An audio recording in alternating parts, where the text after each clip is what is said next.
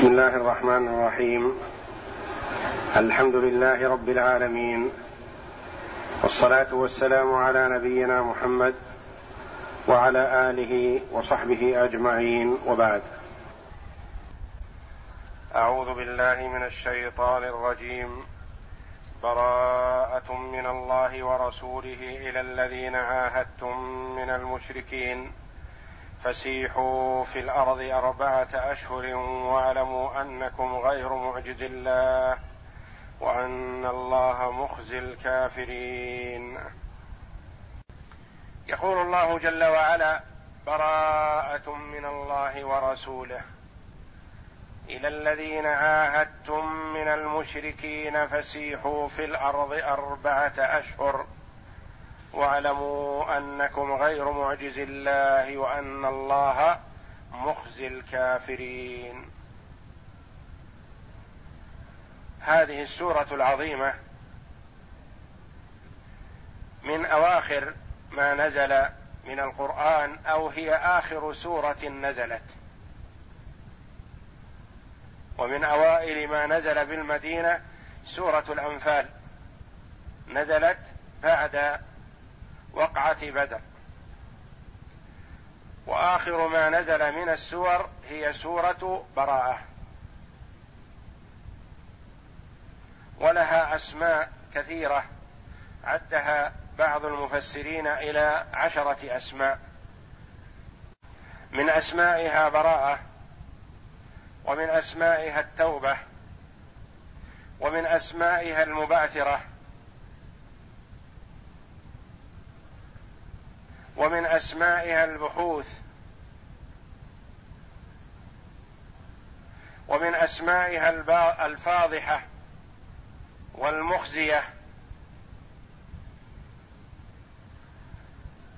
وذلك أنها فضحت المنافقين وبينت خزيهم. وبحثت عن معايبهم فبينتها. وكشفتها حيث أن الله جل وعلا قال فيها ومنهم ومنهم ومنهم وكرر ذلك فبين صفات المنافقين. ولم يكتب في أولها بسم الله الرحمن الرحيم كسائر سور القرآن وقد اتفق الصحابة رضوان الله عليهم على ذلك. عدم كتابتها. وما هي الأسباب في عدم كتابتها؟ أقوال. سأل ابن عباس رضي الله عنه عثمان بن عفان رضي الله عنه لم لم تكتبوا بسم الله الرحمن الرحيم في أول سورة براءة أو التوبة؟ فقال إنه كان ينزل على النبي صلى الله عليه وسلم القرآن وكان يدعو من حوله من الكتبة فيقول اكتبوا هذه الآيات في السورة التي يقول الله فيها كذا وكذا.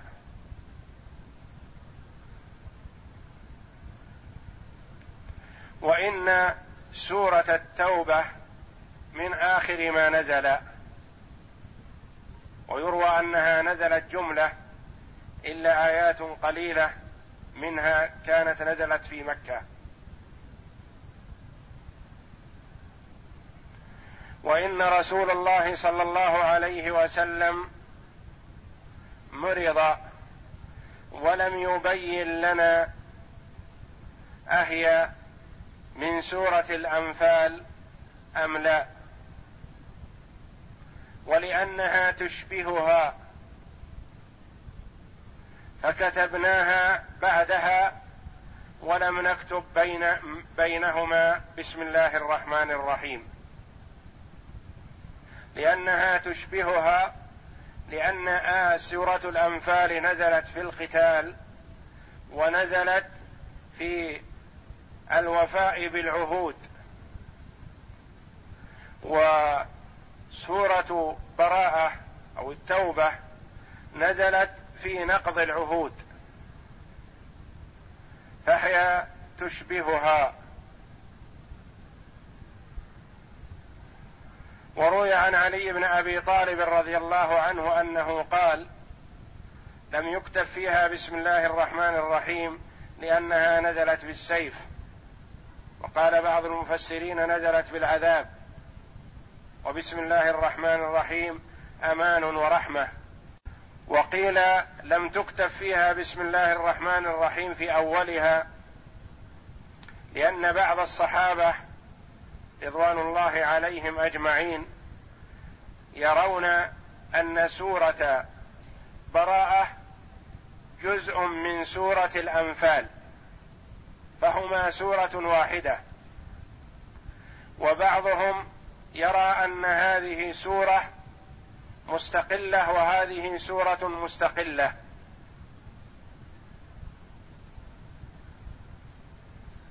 فجمعا بين الرأيين فصلوا بينهما بفاصل.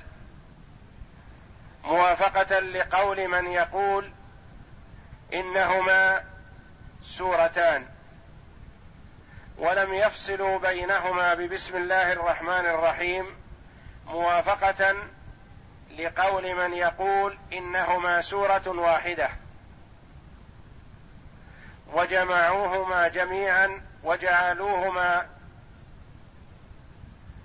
تلي السادسة من السبع الطوال. فصارت هي مجموع السورتين متممة للسبع الطوال. والسبع الطوال هي البقرة وآل عمران والنساء والمائدة والأنعام والأعراف. والمتممة لهما لهذه السبع هي الأنفال وبراءة. وقد روي عن النبي صلى الله عليه وسلم أنه سئل عن حاله في يوم من الأيام قيل له نراك وجعا أو متأثرا فقال إني والحمد لله على ما أحس به قد قمت البارحة بالسبع الطوال. يعني صلى عليه الصلاة والسلام وتره من الليل بهذه السور السبع والسابعة هي الأنفال والتوبة. كل هذه قرأها صلى الله عليه وسلم في وتره من الليل عليه الصلاة والسلام. فهذا هو السبب في عدم كتابة بسم الله الرحمن الرحيم في أول سورة براءة.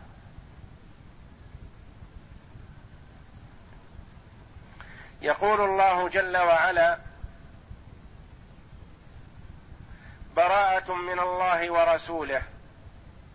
وروي عن عمر بن الخطاب رضي الله عنه أنه قال تعلموا سورة براءة وعلموا أو اقرأوا سورة براءة وعلموا نساءكم سورة النور.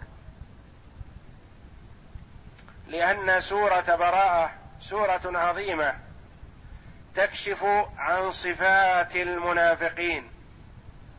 فالعاقل الموفق يتدبرها ويتأملها ليتحاشى وليبتعد عن صفات المنافقين المذكورة فيها. فقد بينها الله جل وعلا بيانا شافيا. موضحا لصفاتهم ليحذرها المؤمن الذي يريد نجاة نفسه وسعادتها في الدنيا والآخرة. يقول الله جل وعلا براءة من الله ورسوله إلى الذين عاهدتم من المشركين معروف معنى براءة هو الخلوص من هذا الشيء والخلوص من أي علاقة به وقطع العلائق. قطع العلائق براءة من هذا الشيء براءة من الشرك أو من النفاق أو من الكفار بمعنى أن تقطع العلاقة بينك وبين هذا الشيء وتبتعد عنه. والله جل وعلا يقول براءة من الله ورسوله إلى الذين عاهدتم من المشركين. فسيحوا في الأرض أربعة أشهر. براءة من الله في هذا قطع العهود. يتبرأ الله جل وعلا من العهود التي أبرمت بين المسلمين والمشركين. وحدد لها اجلا تنتهي إليه. براءة من الله ورسوله إلى الذين عاهدتم من المشركين. فكان النبي صلى الله عليه وسلم يعاهد المشركين على الا يحاربهم ولا يحاربوه. من أجل أن تنتشر الدعوة الإسلامية وتظهر للناس ويأتي المشرك إن شاء ليسمع كلام الله وهو آمن. وينطلق المسلم في بلاد الشرك والكفر ليدعو إلى الله وليبين شرع الله.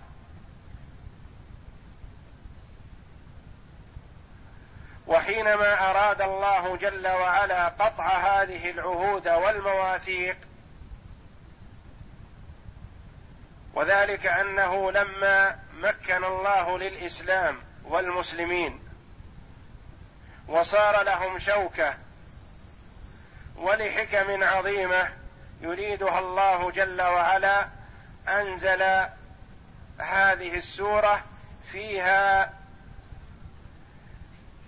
نقض جميع العهود والمواثيق المبرمة والمحددة وغير المحددة بآجال معينة. وما هي هذه الآجال؟ على اختلاف بين المفسرين رحمهم الله. منهم من قال وهذا هو القول المشهور أن من كان له عهد دون أربعة أشهر. أو له عهد ليس بمحدد بمدة. أو ليس له عهد إطلاقا. فالله جل وعلا أعطاهم مهلة أربعة أشهر. يسيحون في الأرض آمنين. لا يتعرض لهم. ومن كان له عهد إلى مدة معينة أكثر من أربعة أشهر فعهده إلى مدته. لا ينقص من مدته. ويبقى عهده إلى مدته إن لم يخن. قول آخر لبعض المفسرين أن من كان له عهد طال أو قصر فعهده أربعة أشهر فقط. ومن لم يكن له عهد فعهده إلى انسلاخ شهر محرم.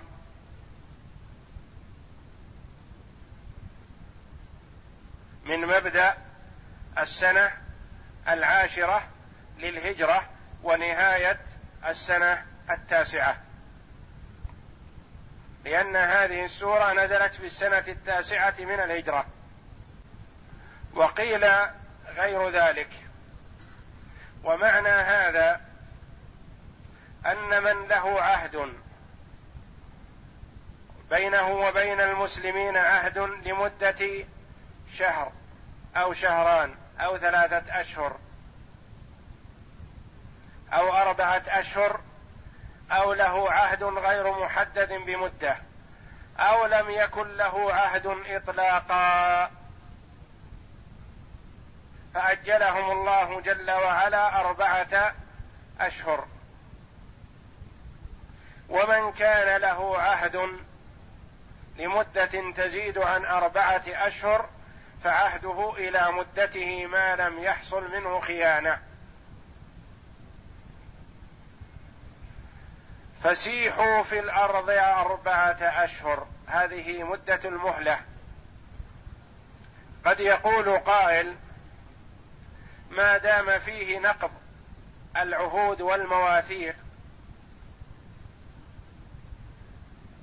وذلك أن الكثير من المشركين بدأ هو بنقض العهد. لم لم يباغتوا بالقتال بعد إعلان نقض العهد؟ ويباغتوا بالقتال لما يعطون هذه المهلة ليتقووا بها وليستعدوا. والجواب أن هذا ممكن أن يتأتى إذا كانت المحاربة والمجابهة بين مخلوق ومخلوق. فيقال لما يعطي عدوه مدة ليتقوى عليه. وأما في جانب الله جل وعلا فالله جل وعلا لا يعجزه شيء. ولهذا أعطاهم المدة الكافية والمهلة ليتفكروا ولينظروا وليتدبروا لعلهم يتوبوا فيتوب الله عليهم. أربعة أشهر فكر وتأمل وسافر للمدينة واتصل بمن شئت من المسلمين واعرف أحوالهم واعرف صفات صفاتهم وأخلاقهم. وانظر في أمرك. إن هديت إلى رشدك ودخلت في الإسلام فلك ما لهم وعليك ما عليهم. وإن أبيت إلا الكفر فاعلموا أنكم غير معجز الله. تعقيب حسن كريم. في هذه الآية أربعة أشهر لكم مهلة. واعلموا مع إعطاء هذه المهلة مهما استعديتم للحرب وجمعتم العدد والعدة فاعلموا أنكم غير معجز الله. فلن نعطيكم هذه المدة لتستعدوا لأنكم مهما استعددتم للحرب فلن ينفعكم استعدادكم. وإنما أعطيناكم هذه المهلة من أجل أن تتفكروا وتتأملوا وتنظروا في أحوالكم وأحوال المسلمين وتدبروا ذلك لعلكم تسلموا. فتسعدوا وتنجوا في الدنيا والآخرة. وإن أبيتم إلا الكفر فاعلموا أنكم غير معجز الله.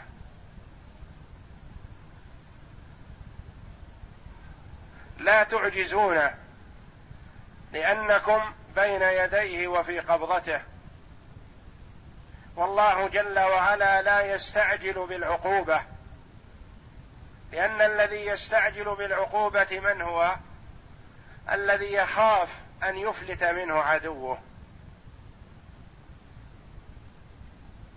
فابن آدم يستعجل إذا أراد العقوبة يستعجل في عقوبة عدوه لأنه يخاف أن يفلت منه ويذهب من بين يديه.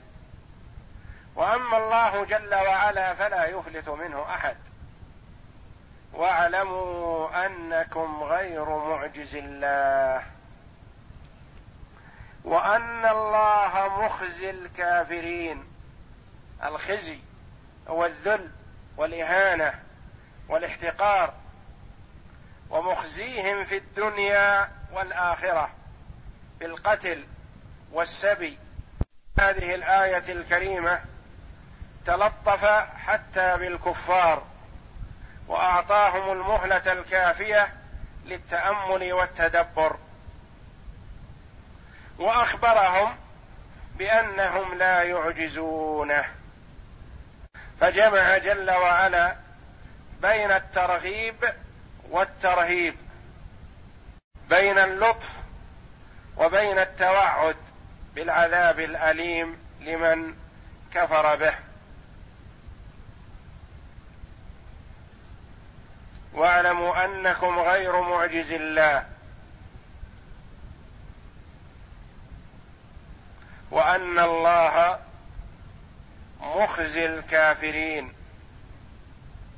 فهو جل وعلا قادر على ذلك.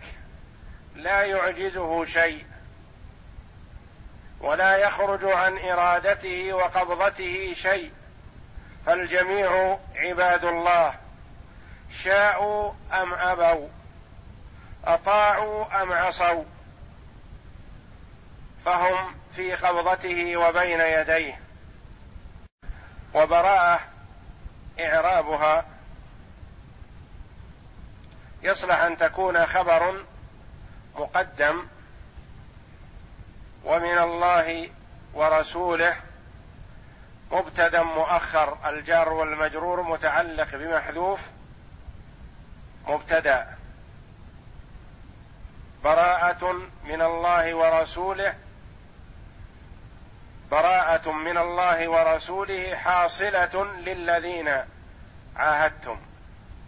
الجواب المبتدأ يصلح أن تكون براءة من الله ورسوله مبتدأ وخبر يعني خبر مقدم ومبتدأ مؤخر. ويصح أن تكون براءة مبتدأ لأنها وإن كانت نكرة فهي موصوفة. والنكرة الموصوفة يصح الابتداء بها. كما قال ابن مالك رحمه الله ولا يجوز الابتداء بالنكرة ما لم تفد كعند زيد النمرة. وهل فتى فيكم فما خل لنا ورجل من الكرام عندنا رجل من الكرام.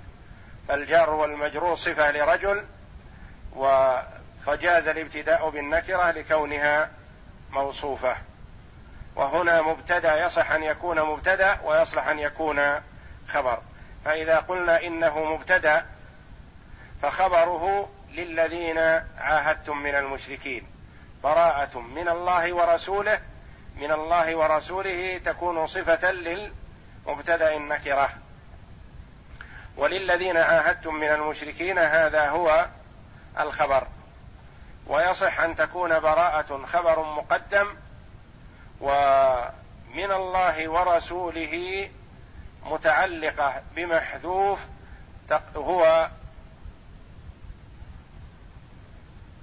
هي صفة لا تزال. وإنما المبتدأ هذه براءة من الله ورسوله. هذه أو هذا براءة من الله ورسوله. إلى الذين عاهدتم من المشركين فسيحوا. معنى سيحوا؟ يعني سيروا واذهبوا وعودوا. يقال ساح في الأرض بمعنى ذهب كيف؟ يريد. ذهب إلى أي جهة شاء وأراد. يعني في بلاد الإسلام وفي بلاد الكفر.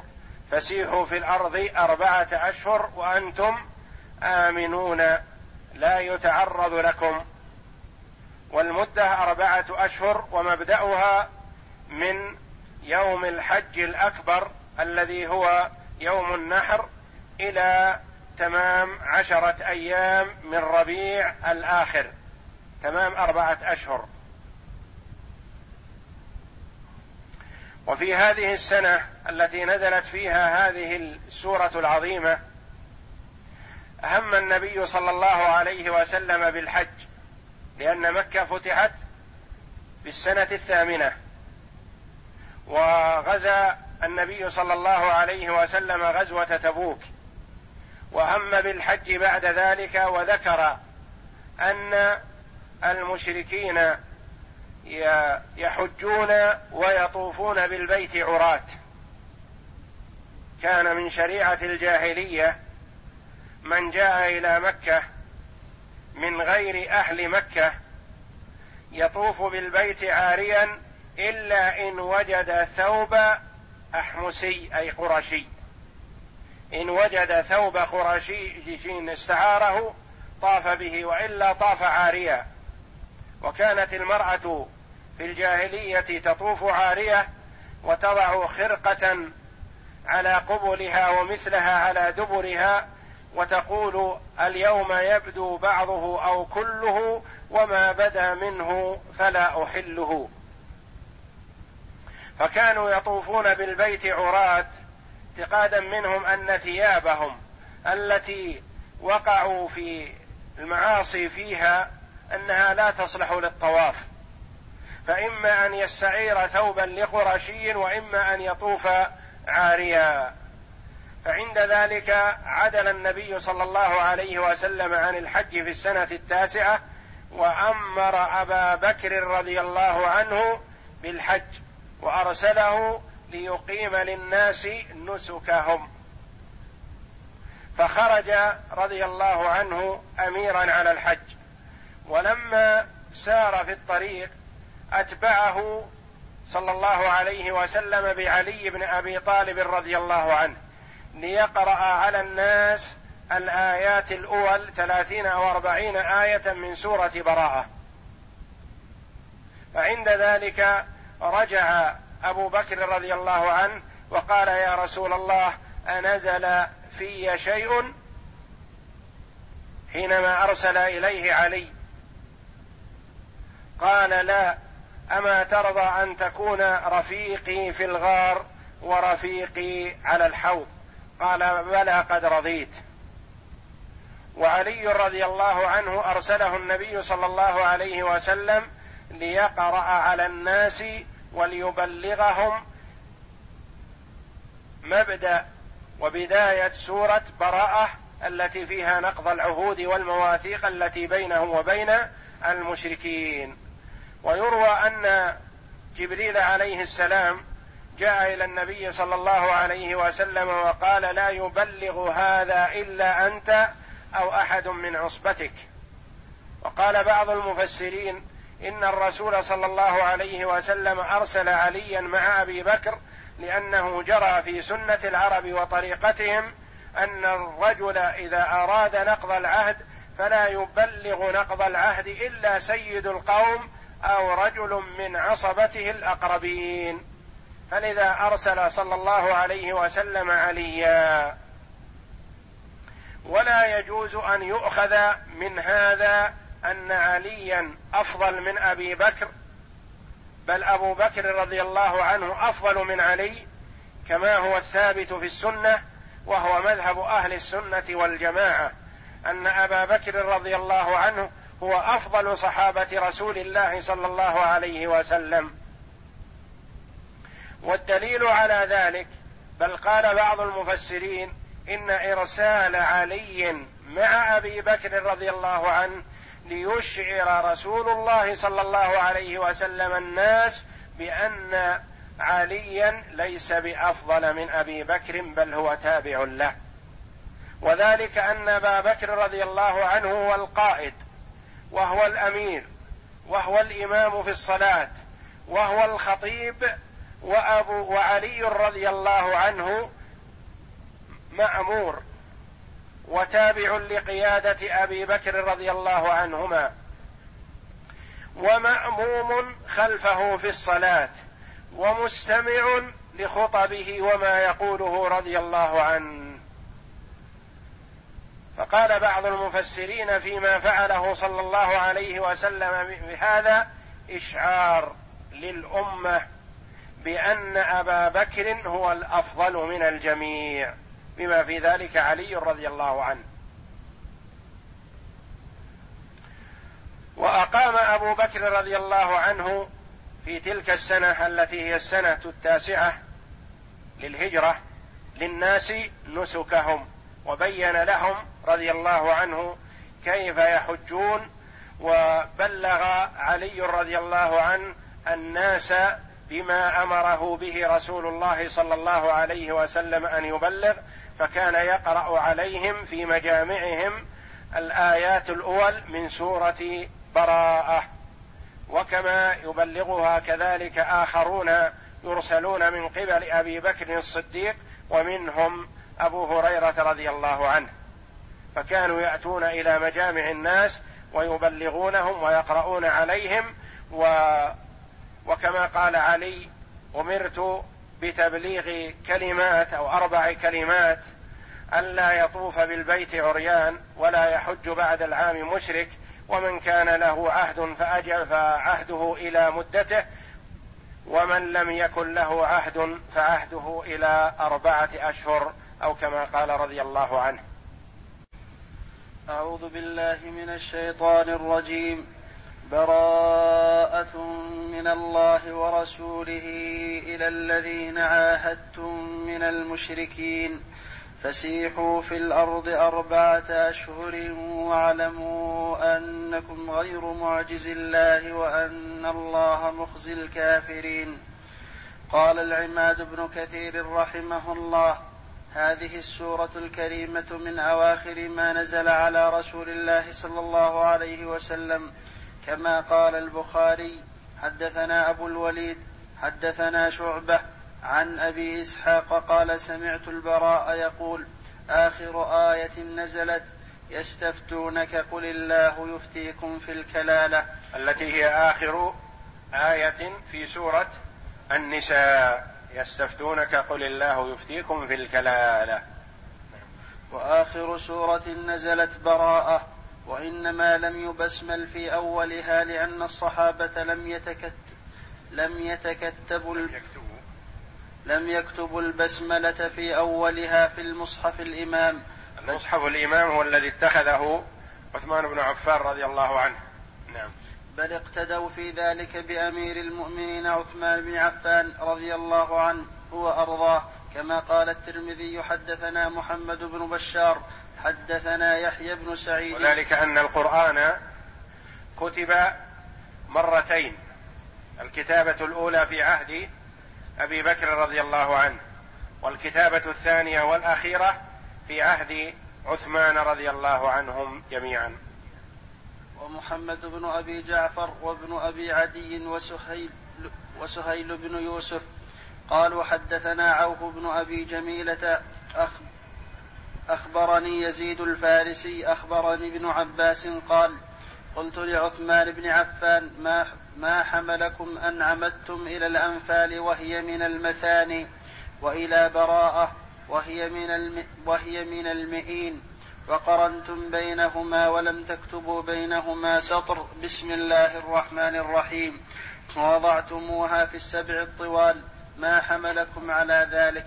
فقال عثمان كان رسول الله صلى الله عليه وسلم مما يأتي عليه الزمان وهو تنزل عليه السور ذوات العدد. فكان إذا نزل عليه الشيء دعا بعض من كان يكتب فيقول ضعوا هذه الآية. في السوره التي يذكر فيها كذا وكذا وكانت الأنفال من أول ما نزل بالمدينة وكانت براءة من آخر ما نزل من القرآن وكانت قصتها شبيهة بقصتها وخشيت أنها منها وقبض رسول الله صلى الله عليه وسلم ولم يبين لنا أنها منها. فمن أجل ذلك قرنت بينهما ولم أكتب بينهما سطر. بسم الله الرحمن الرحيم. ووضعتها في السبع الطوال وكذا رواه الإمام أحمد وأبو داود والنسائي وابن حبان في صحيحه والحاكم في مستدركه من طرق أخر عن عوف الأعرابي به وقال الحاكم صحيح الإسناد ولم يخرجاه. وأول يخرجاه هي البخاري ومسلم رحمهم الله. وأول هذه السورة وأول هذه السورة الكريمة نزل على رسول الله صلى الله عليه وسلم لما رجع من غزوة تبوك وهم بالحج ثم ذكر أن المشركين يحضرون عامهم هذا الموسم على عادتهم في ذلك وأنهم يطوفون بالبيت عراه فكره مخالطتهم وبعث أبا بكر الصديق رضي الله عنه أميرا على الحج تلك السنة ليقيم للناس مناسكهم ويعلم المشركين ألا يحجوا بعد عامهم هذا وأن ينادي في الناس براءة من الله ورسوله. فلما قفل أتبع أي ذهب فلما قفل أتبعه بعلي بن أبي طالب ليكون مبلغا عن رسول الله صلى الله عليه وسلم لكونه عصبته عصبة له كما سيأتي بيانه. فقوله تعالى كان خبر كان لكونه عصبة له كما سيأتي بيانه. فقوله تعالى براءة من الله ورسوله أي هذه براءة أي تبرؤ من الله ورسوله. إلى الذين عاهدتم من المشركين فسيحوا في الأرض أربعة أشهر. اختلف المفسرون ها هنا اختلافا كثيرا فقال قائلون هذه الآية لذوي العهود المطلقة غير المؤقتة أو من له عهد دون أربعة أشهر فيكمل له أربعة أشهر. فأما من كان له عهد مؤقت فأجله إلى مدته مهما كان. لقوله تعالى فأتموا إليهم عهدهم إلى مدتهم الآية. ولما سيأتي في الحديث ومن كان بينه وبين رسول الله صلى الله عليه وسلم عهد فعهده إلى مدته. وهذا أحسن الأقوال وأقواها. وقد اختاره ابن جرير رحمه الله وروي عن الكلبي ومحمد بن كعب القرظي وغير واحد. وقال علي بن أبي طلحة عن ابن عباس في قوله في قوله براءة من الله ورسوله إلى الذين عاهدتم من المشركين فسيحوا في الأرض أربعة أشهر الآية قال حد الله للذي حد الله حد الله للذين عاهدوا يعني حدد لهم قال حد الله للذين عاهدوا رسوله أربعة أشهر يسيحون في الأرض حيث شاءوا وأجل وأجل أجل, أجل. وأجل أجل من ليس عهد من, من ليس عهد. من ليس له عهد سلاخ الأشهر الحرم من يوم النحر إلى سلخ سل إلى انسلاخ المحرم. هذا القول الثاني أن جميع الآجال سواء كانت قريبة أو بعيدة محددة بأربعة أشهر. ومن لم يكن له أجل ولم يكن له عهد حدد له إلى نهاية انسلاخ شهر محرم يعني خمسين ليلة من بعد البلاغ. عشرين ليلة من ذي الحجة وثلاثين ليلة من محرم. الانسلاخ المحرم فذلك خمسون ليلة فأمر الله نبيه إذا انسلخ المحرم أن يضع السيف في من لم يكن بينه وبينه عهد بقتلهم حتى يدخلوا في الإسلام وأمر بمن كان له عهد إذا انسلخ أربعة أشهر من يوم النحر إلى عشر خلون من ربيع الآخر الآخر أن يضع فيهم السيف أيضا حتى يدخلوا في الإسلام. وقال أبو معشر المدني حدثنا محمد بن كعب القرضي وغيره قالوا بعث وغيره قال بعث رسول الله صلى الله عليه وسلم أبا بكر أميرا على الموسم سنة تسع. وبعث علي بن أبي طالب بثلاثين آية أو أربعين آية من براءة. فقرأها على الناس. يؤجل المشركين أربعة أشهر يسيحون في الأرض فقرأ عليهم يوم عرفة أجلهم عشرين أجلهم عشرين من ذي الحجة والمحرم وصفر وشهر ربيع الأول وعشرا من ربيع الآخر وقرأها عليهم في منازلهم وقال لا يحجن بعد عامنا هذا مشرك ولا يطوفن بالبيت عريان وقال ابن أبي نجيح عن مجاهد براءة من الله ورسوله إلى أهل إلى أهل العهد خزاعة ومدلج ومن كان له عهد أو غيرهم فقفل رسول الله صلى الله عليه وسلم من تبوك حين فرغ فأر من المعلوم أن خزاعة دخلت في عهد النبي صلى الله عليه وسلم. لما عاهد النبي صلى الله عليه وسلم المشركين في صلح الحديبية وكان من بنود الصلح أن من أحب أن يدخل في عهد محمد صلى الله عليه وسلم ومعه في الصلح دخل ومن أحب أن يدخل مع قريش دخل. فكانت خزاعة دخلت مع النبي صلى الله عليه وسلم فكان لها عهد مع النبي صلى الله عليه وسلم. وبنو بكر كانت مع قريش. وكان من أسباب فتح مكة أن خزاعة كانت تابعة للنبي صلى الله عليه وسلم في الصلح وبنو بكر كانت مع قريش. ثم إن بني بكر آه، اعتدوا على خزاعة وتعدوا عليهم. ولو كان بين الطائفتين فلا دخل له. لكن قريش أعانت بني بكر على خزاعة.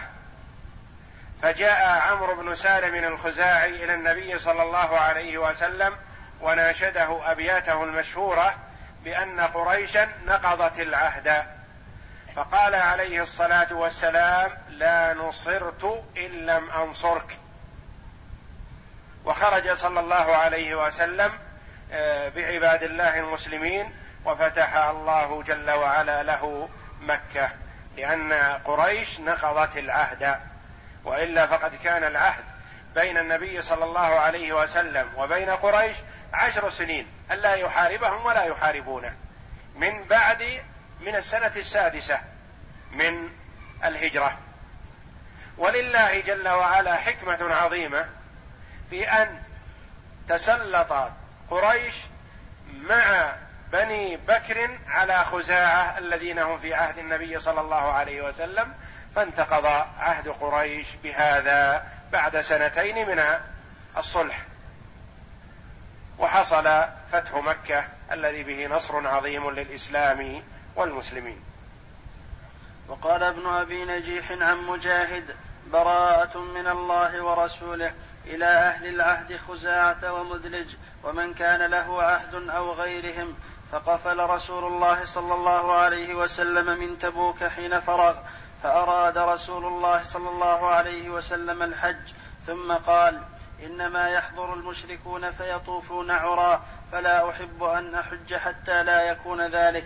فأرسل أبا بكر وعلي رضي الله عنهما فطافا بالناس في ذي المجاز وبأمكنتهم التي كانوا يتبايعون بها وبالمواسم كلها فآذنوا أصحاب العهد بأن, يؤمن بأن يؤمنوا أربعة أشهر فهي الأشهر المتواليات عشرون من ذي الحجة إلى عشر يخلون من ربيع الآخر ثم لا عهد لهم وآذن الناس كلهم بالقتال إلا أن يؤمنوا وهكذا روي عن السدي وقتادة وقال الزهري كان ابتداء التأجيل من شوال وآخره سلخ المحرم وهذا القول غريب وكيف يحاسبون بمدة لم يبلغ لم يبلغهم حكمها وإنما ظهر لهم أمرها يوم النحر حين نادى أصحاب رسول الله صلى الله عليه وسلم بذلك.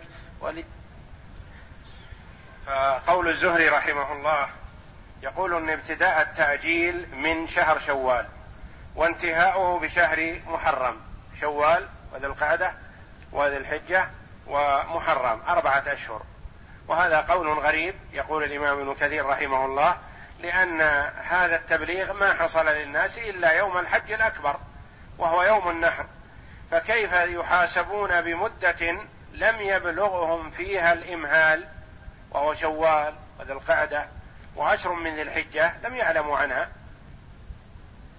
ولكن القول المشهور ولعله صحيح إن شاء الله هو أن كان الإمهال هو من يوم الحج الأكبر الذي هو يوم النحر.